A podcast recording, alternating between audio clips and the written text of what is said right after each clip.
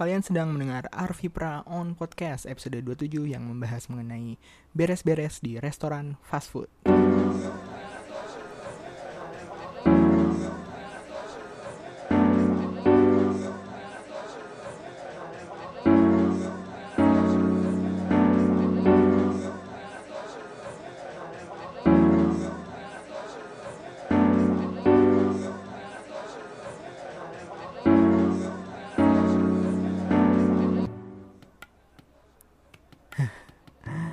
Sih pas gue mau bikin episode ini tuh pas waktu mau bikin gitu kan.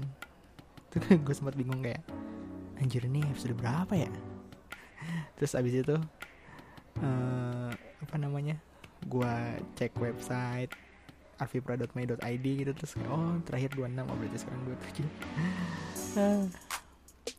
kayaknya emang nggak nggak baik ya kalau misalnya dikasih nomor-nomor gitu tuh. Kayak waktu itu siapa ya apa eh bilang kalau misalkan apa eh ngapain sih? Kayak setahunan dua tahunan tiga tahunan gitu dihitung banget kayak kayak lagi di penjara. Kayak gitu. Mungkin kayaknya ntar langsung apa langsung ke judul aja ya judul topik aja ya kayaknya. Nggak usah ada episode keberapa keberapa. Keberapa tapi nggak tahu sih ya lihat ntar aja kayaknya itu sel- akan jadi perubahan yang gue pak gue gue gue lakukan deh untuk podcast ini. Terus eh, karena ada email gue mau buka email dulu. Ntar ya.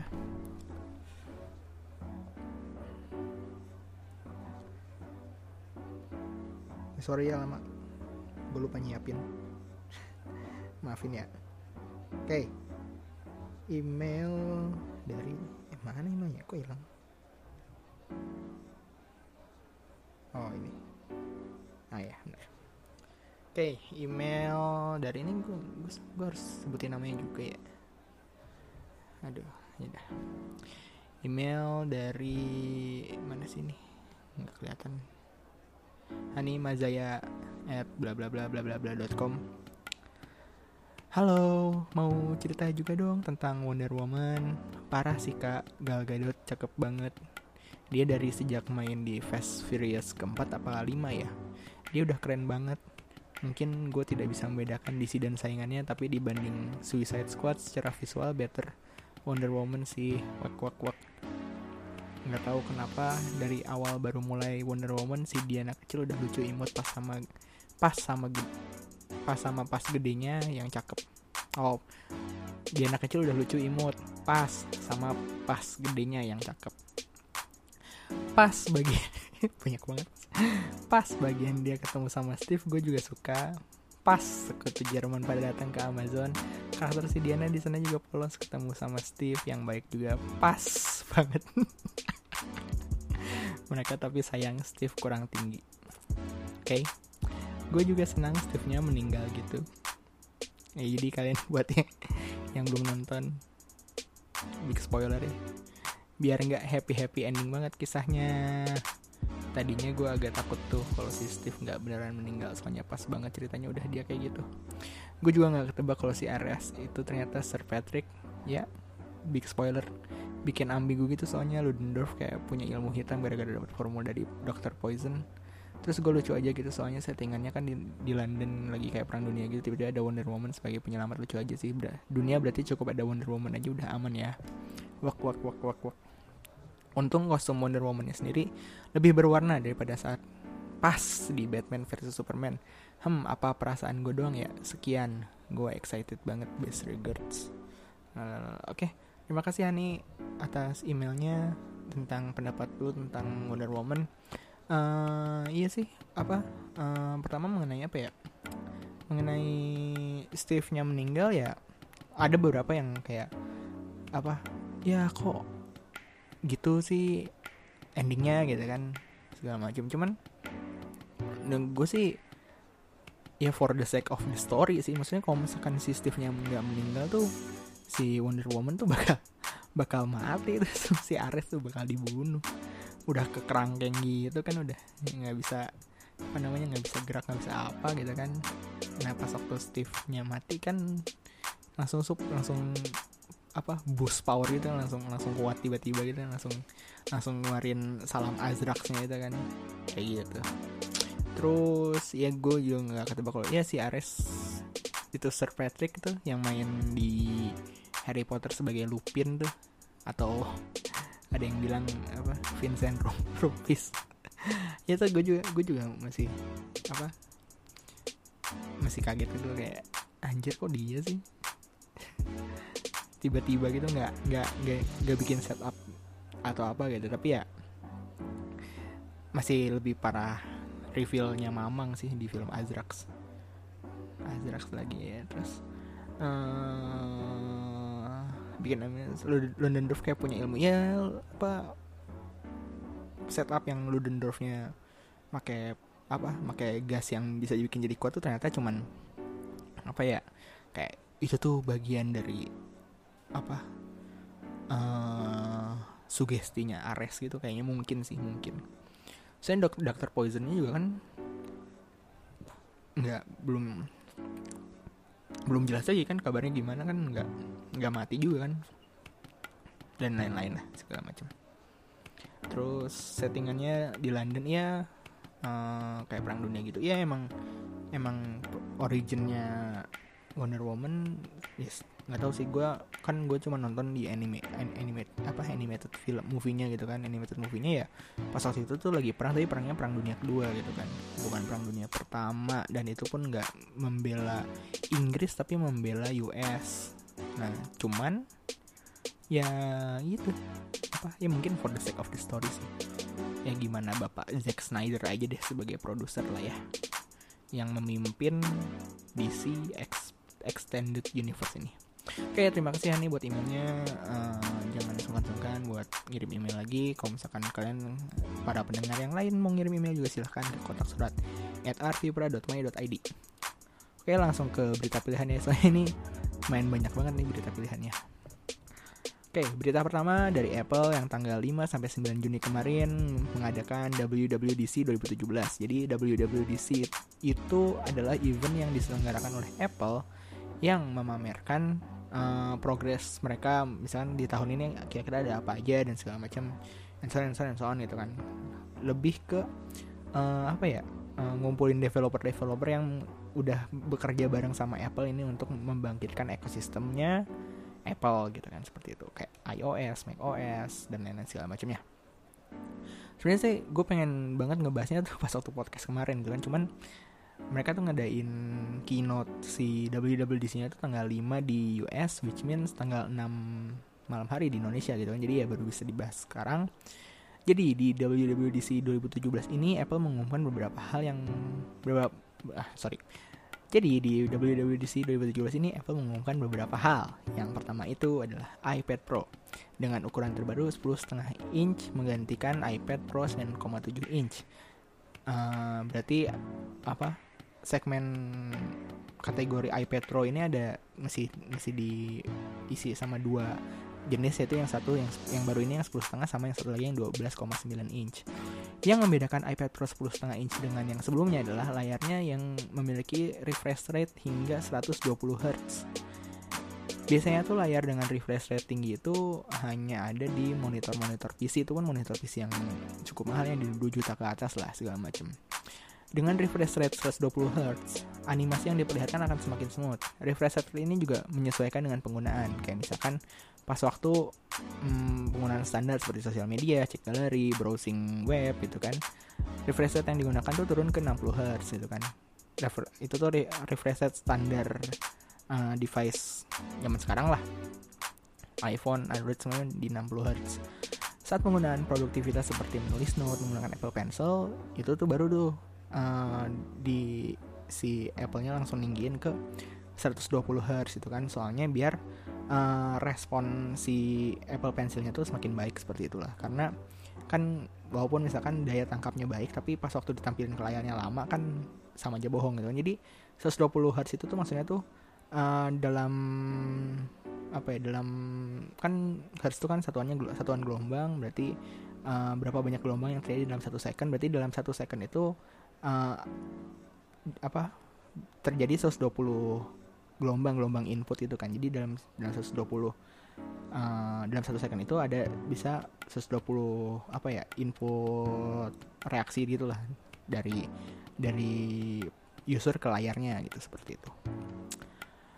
Terus kalau nggak salah juga pas waktu nonton film tuh langsung turun ke 24 ini ya, ngikutin ininya lah ngikutin penggunanya kan. Saya kan film-film kan rata-rata kan di 24 fps gitu. Oke setelah itu ada demo ada demo dari iOS 11 untuk iPad iOS 11 itu memberikan aplikasi files aplikasi file manager.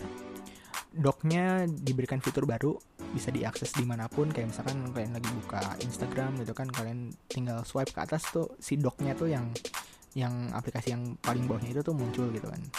Deretan aplikasi yang paling bawahnya tuh muncul gitu. Nah terus juga memberikan suggested apps di bagian paling kanan gitu. Kayak jadi kayak lebih mir apa mirip-mirip sama Mac OS gitu loh. Gitu. Terus kemudahan multitasking yang sekarang bisa drag and drop itu untuk untuk split screen gitu kan. Terus juga drag and dropnya juga selain split screen juga bisa drag and drop uh, apa untuk berbagi file atau misalkan uh, copy paste atau misalnya copy sesuatu dan segala macam. Jadi tinggal drag and drop aja kayak di PC gitu. Seperti itu uh, terus ada fitur baru untuk Apple Pencil juga kayak misalkan uh, apa buat tanda tangan dokumen dan segala macam terus uh, keyboardnya juga lebih ringkas gitu kan. Untuk semua device ya berarti berlaku di iPod, iPhone sama iPad. Itu ada fitur baru di live photos gitu kan. Kalian bisa nambahin animasi baru di live photos. Terus ada filter baru di kamera UI baru di App Store Messages Apple Music Control Center Lock Screen dan Maps gitu kan. Dan di iOS 11 ini Apple meresmikan diri untuk mengikuti pasar augmented reality. Jadi pas waktu di demoin tuh pakai iPad gitu kan terus kayak kita bisa ngebikin apa dengan dengan augmented reality itu kayak kita bisa bikin kota yang yang disimulasikan di iPad. Padahal kita lagi terus kayak digerak-gerakin di apa apa ya um, ya punya nonton aja lah gue bingung ngejelasinnya gue gimana. Maaf ya. iOS 11 ini sudah dalam tahap beta program. Kalian bisa kalau misalkan mau nyoba betanya kalian bisa langsung daftar ke Apple Development Program Tester atau apalah gue lupa namanya. Uh, jadi kalau misalkan kalian nunggu yang final apa versi finalnya versi rilisnya kalian bisa tunggu sampai musim gugur nanti sekitar apa ya Oktober ya Oktober Novemberan gitu. Uh, yang bisa menikmati iOS 11 ini tuh untuk iPhone dari iPhone 5s ke atas berarti iPhone 5 ke bawah tuh udah nggak bisa. Berarti iPhone 5s tuh iPhone 5s iPhone SE iPhone 6 6s 7 7s terus untuk iPad tuh dari iPad 5th gen ke atas jadi iPad generasi kelima iPad Air, iPad Air 2, iPad Pro dan and so on gitu kan dan ke atasnya gitu kan untuk iPad mini itu dari iPad mini 2, iPad mini 3 dan iPad, iPad mini 4. Untuk dan iPod itu hanya di iPod generasi ke-6. Terus dari lini Mac ada pembaharuan untuk iMac dan MacBook. iMac diberi layar uh, jadi ini uh, pada umumnya iMac sama MacBook ini uh, dikasih upgrade uh, layar yang lebih cerah sampai kecerahan 500 nits dan prosesor generasi terbaru dari Intel yaitu Kaby Lake. Nah, untuk iMac itu uh, apa? Ada opsi uh, buat VGA card-nya itu yaitu Radeon Pro seri 500. Untuk yang iMac yang 5K dikasih memori VGA card-nya 8GB, untuk yang 4K dikasih memori VGA card-nya 4GB. Terus juga setelah uh, VGA card untuk iMac juga diberikan Fusion Drive yang katanya lebih cepat uh, dari SSD biasa dan Thunderbolt 3 port 2 buah. Terus diumumkan juga seri tertinggi dari iMac. Jadi setelah iMac yang biasa, iMac 4K sama iMac 5K itu ada juga seri iMac Pro. Nah, yang membedakan dari seri iMac biasa adalah satu warnanya tuh udah bukan silver lagi, tapi space gray jadi abu-abu gelap gitu lebih apa ya hitam doff gitu loh. Nah terus prosesornya tuh menggunakan Intel Xeon dengan pilihannya tuh ada yang 8 8 core 10 core sampai 18 core. Yeah, which means sebagai workstation ini apa cukup upgrade yang cukup meningkat dibandingkan Mac Pro yang udah rilis dari tahun 2013 yang lalu gitu. Terus ketiga itu menggunakan uh, eh, GPU AMD Radeon Pro Vega yang sampai sekarang belum ada belum ada apa detail resminya juga mengenai AMD Radeon Pro Vega cuman AMD Radeon Pro Vega ini dibilang adalah uh, Vega card uh, paling seri tertinggi yang dimiliki oleh AMD gitu. Terus memorinya up to 128 GB dengan storage 4 TB SSD NVMe sepertinya soalnya uh, speednya bisa sampai 3 GB per second. Terus portnya sendiri dikasih tambahan Thunderbolt 3 sebanyak 4 port uh, dan 10 gigabit internet. Sisanya sama ada 4 USB 3.0, ada SD card slot sama ada uh, apa 3.5 mm jack. iMac Pro ini tersedia Desember 2017 ini. Untuk OS uh, dari iMac dan MacBook itu Mac OS juga diperkenalkan uh, update terbaru untuk macOS itu macOS High Sierra. High Sierra ini um, memberikan kodek HEVC atau H.265 yang biasa digunakan di video resolusi 4K. Jadi untuk mengkonsumsi uh, entah itu streaming, entah itu nonton uh, apa film-film 4K gitu kan, resolusi 4K ini udah uh, bisa banget apa namanya mendukung video-video 4K seperti itu. Terus juga ada API Metal 2 untuk mengoptimalkan peran GPU itu Metal 2 itu tuh kalau misalkan di Windows tuh kayak DirectX gitu loh, untuk memaksimalkan uh, peran VGA card uh, dalam mengakomodir software-software yang akan digunakan di Mac seperti itu. Terus juga dukungan produksi dan konsumsi konten VR. Jadi uh, Apple memprioritaskan augmented reality di uh, iOS dan virtual reality di macOS. Mungkin seperti itu. Terus juga fungsi aplikasi bawaan yang diperbaharui seperti misalnya fotos diberikan opsi editing yang lebih banyak gitu kan. Safari browser ngasih opsi buat uh, apa? Hmm, menonaktifkan autoplay dari video atau apa segala macam dan masih banyak lagi. macOS High Sierra ini bisa didapatkan musim gugur nanti. Lalu setelah itu juga ada update untuk Watch OS yaitu OS yang dipakai di Apple Watch yaitu Watch OS 4.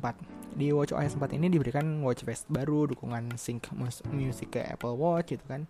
Jadi kayak kalian kalau misalkan mau dengerin musik itu nggak usah nggak usah sync apa nggak usah dari Bluetooth nggak usah bawa, bawa HP-nya lah nggak usah bawa HP-nya lu tinggal synchronize aja musik apa playlist mana yang pengen lu dengerin di di apa lagi jalan gitu kan nah nanti si Apple Watch ini yang synchronize sendiri jadi kalian tinggal bawa jamnya aja buat ngedengerin musik gitu kan seperti itu terus dukungan aplikasi workout, sinergisasi dengan Siri, dan masih banyak lagi. Apple juga mengumumkan produk terbaru mereka yaitu HomePod. HomePod ini intelligent speaker gitu, kayak Google Home atau Amazon Alexa gitu kan. Uh, dengan dukungan Siri sehingga HomePod ini selain jadi speaker gitu, ini juga bisa digunakan untuk mengontrol peralatan elektronik yang terhubung ke Apple HomeKit gitu kan, seperti nyalain lampu, ngatur AC, uh, apalagi nyalain TV dan sebagainya. Yap, itu tadi berita pertama tentang WWDC. Gila ya, ini udah jadi kayak bahasan tersendiri. Oke, berita kedua gue cepet aja dan terakhir dari E3 2017. Jadi pas ini direkam sebenarnya E3 masih berjalan acaranya. E3 sendiri itu uh, Electronic Entertainment Expo. Di situ um, ngeliatin uh, rata-rata sih game sih, game-game uh, yang dipamerin gitu kan ntar wah di tahun ini ada game baru ini kayak gini atau di tahun tahun depan ada game ini game ini kayak gitu nah itu nah gue baru nonton presentasi dari EA Games, Microsoft Xbox sama Bethesda. EA Games tuh udah ngasih lihat game FIFA 18 dengan uh, kelanjutan cerita dari Alex Hunter yang dimulai di FIFA 17 jadi lanjutannya tuh ada di FIFA 18 terus juga ada Madden 18 yang katanya ada apa kayak Alexander gitu ada single campaign mode-nya gitu terus ada NBA Live 18 yang katanya nambahin fitur street street ball gitu. Terus ada IP baru dari developer BioWare yaitu judulnya Anthem terus juga ada IP baru juga dengan judul A Way Out itu uh, game co-op uh, temanya tuh prison break gitu. Jadi uh, apa ya? Ya co-op gitu. Lumayan tuh pasti sama orang sama multiplayer sama orang gitu. Gitu. Terus ada Need for Speed Payback. Yang gue lihat tuh ini mirip mirip banget film Fast and Furious gitu loh. Jadi balapan tapi ada bumbu heist heistnya gitu lah. Ada bumbu apa nyuri mobil lah ngambil mobil dan segala macem lah. Terus ada Battlefield 1 yang mendapatkan DLC baru dan yang paling gede itu Star Wars Battlefront 2 Star Wars Battlefront 2 ini merupakan jawaban dari kekecewaan Star Wars Battlefront yang sebelumnya. Menyediakan single player campaign terus map mapnya juga rencananya bakal lebih banyak pilihan kendaraan kendaraan dan pesawat yang lebih beragam gitu kan dan hero nya yang lebih banyak. Pas satu preview kita bisa lihat uh, map yang digunakan tuh map kota Nabu yang itu loh yang mapnya kota si Queen Amidala itu terus ada dua hero baru yang bisa dipakai tuh Darth Maul sama Rey Darth Maul yang dari episode 1 Rey dari episode 7 lanjut ke Microsoft Xbox itu mengenalkan beberapa game eksklusif yang mungkin sebenarnya cuma time eksklusif aja sih dan jeng jeng jeng jeng Xbox One X. Oke, okay, jadi Xbox One X ini sebelumnya disebut Project Scorpio. Microsoft bilang ini adalah konsol game tercanggih dan terkecil saat ini karena ukurannya tuh hampir atau malah sedikit lebih kecil dari Xbox One S. Gue ngeliatnya tuh secara panjang dan lebar sama mirip-mirip dikit lah. Xbox One X itu lebih lebih apa lebih lebar dikit tapi tebelnya itu One S tuh tebel banget dibandingkan One X yang lebih tipis gitu dibandingkan One S gitu. Nah, tapi walaupun ini ukurannya kecil, speknya tuh rada ngeri juga gitu. Soalnya dibekali uh, 6 teraflops prosesor dengan memori 12 GB dan memori bandwidthnya itu mencapai 326 GB per second gitu kan. Dukungan untuk for apa resolusi 4K baik itu untuk game ataupun Ultra HD Blu-ray Xbox One X ini akan rilis 7 November nanti dengan harga 499 dolar. Lebih mahal 100 dolar dari, dari PS4 Pro. Uh, jadi ya kira-kira worth nggak ya kita tunggu ini sampai 7 November lah ya. Lalu dari Bethesda mengumumkan Fallout VR yang dirilis Oktober 2017 mendatang dan Doom VR juga. Preview Skyrim untuk Nintendo Switch, DLC baru Dishonored 2 yang akan rilis September 2017, Evil Within 2 yang akan yang dirilis 13 Oktober 2017 dan Wolfenstein 2 yang juga dirilis Oktober 2017 seperti itu. Selain dari presentasi tersebut juga ada juga preview dari Kingdom Hearts 3 yang memberikan video gameplay terbaru memperlihatkan form-form yang digunakan oleh Sora. Untuk hari ini ada presentasi dari Sony dan Ubisoft yang mungkin akan gue bahas di podcast minggu depan. Ya, tadi itu tadi berita pilihan minggu ini banyak banget ya. Ini udah 22 menit. Ya udah, sekarang bahas yang simpel-simpel aja lah ya. Kita bahas fast food kalian kalau misalnya makan di restoran fast food itu suka ngeberesin sendiri atau main tinggal aja gak sih gue sih kalau dulu ya kalau dulu gue sih termasuk yang langsung pulang aja gitu kan. Nggak diberesin kalau habis makan gitu. Dan dampaknya itu tuh pas waktu waktu itu tuh gue pernah ke Singapura gitu terus makan di fast food yang sebenarnya ada di Indonesia juga. Karena apa? Ya takut oh ini haram dan dan, dan ya paling aman tuh fast food aja lah beli ayam gitu kan. Walaupun gue nggak tahu minyaknya pakai apa tapi ya udah percaya aja gitu kan. Terus gue tinggalin tuh makannya terus gue diomelin itu sama orang yang mau duduk di meja bekas gue gitu, gitu kan. Karena ini negeri orang juga ya, ya gue ikutin aja gitu kan maunya gimana gitu kan. Takutnya gue yang salah dan segala macam dan ternyata emang gue yang salah gitu kan. Nah abis itu gue coba baca-baca ternyata restoran fast food itu memang dianjurkan bagi para konsumennya untuk membereskan bekas makanannya sebelum minggat gitu. Rata-rata orang yang gue tanyain mengenai ini menggunakan argumen ini itu kan gue udah bayar ini gitu. Atau enggak ih jangan kasih kendor pegawainya dong. Mereka ntar nggak kerja gitu atau enggak gue udah bayar pajak ya nah ini kita coba bahas aja ya. Ini kalau misalnya ada yang pengen ngebenerin atau misalnya ngasih argumen lain ya kirim email aja ke kotak surat at arvipra.my.id ya ntar gue baca dan gue tanggepin. Takutnya gue juga salah gitu dan segala macam. Jadi setahu gue restoran itu biasanya ada service tax, service charge, dan VAT. VAT itu kalau misalkan di Indonesia itu pajak pertambahan nilai atau PPN. Untuk restoran di Indonesia sendiri, service tax dan VAT itu digabung dan dikenakan maksimal 10% menurut uh, undang-undang apalah. Ya baca sendiri lah ya. Cari cari aja lah. Ini apaan sih gue ngasih tahu tapi nggak ngasih sumber yang jelas. Ya maaf maaf maaf. Ya cuman itulah, tau gue itu. Nah, kalau service charge itu, ya ini karena karena ini rancu ini gue sempat googling juga. Menurut pasal 1 ayat 5 Peraturan Menteri Tenaga Kerja nomor per 02 slash men slash 1999 tahun 1999 berarti ini udah lama juga tentang pembagian uang servis pada usaha hotel, restoran, dan usaha pariwisata lainnya. Uh, dalam kurung kutip Permen 02 1999. Uh, tutup kutip, tutup kurung. Anjir nih katanya bahasanya simpel tapi sampai bawa pasal segala ya. Jadi menurut uh, peraturan Menteri Tenaga Kerja itu service charge adalah tambahan dari tarif yang sudah ditetapkan sebelumnya dalam rangka jasa pelayanan pada usaha hotel, restoran, dan usaha pariwisata lainnya. Uang servis merupakan milik dan menjadi bagian pendapatan bagi pekerja yang tidak termasuk sebagai komponen upah. Sebagaimana dijelaskan di pasal 2 ayat 1 eh, Peraturan Menteri Tenaga Kerja 02 1999. Oke. Di sini udah lihat ya bedanya ya. Jadi service charge itu masuk ke pendapatan pegawai dan tidak termasuk sebagai komponen upah. Jadi kayak tip lah. Sedangkan service tax dan VAT itu masuknya ke pemerintah. Nah, kalau misalnya kalian makan di fast food, kalian coba cek deh, apakah ada komponen service charge di bon kalian?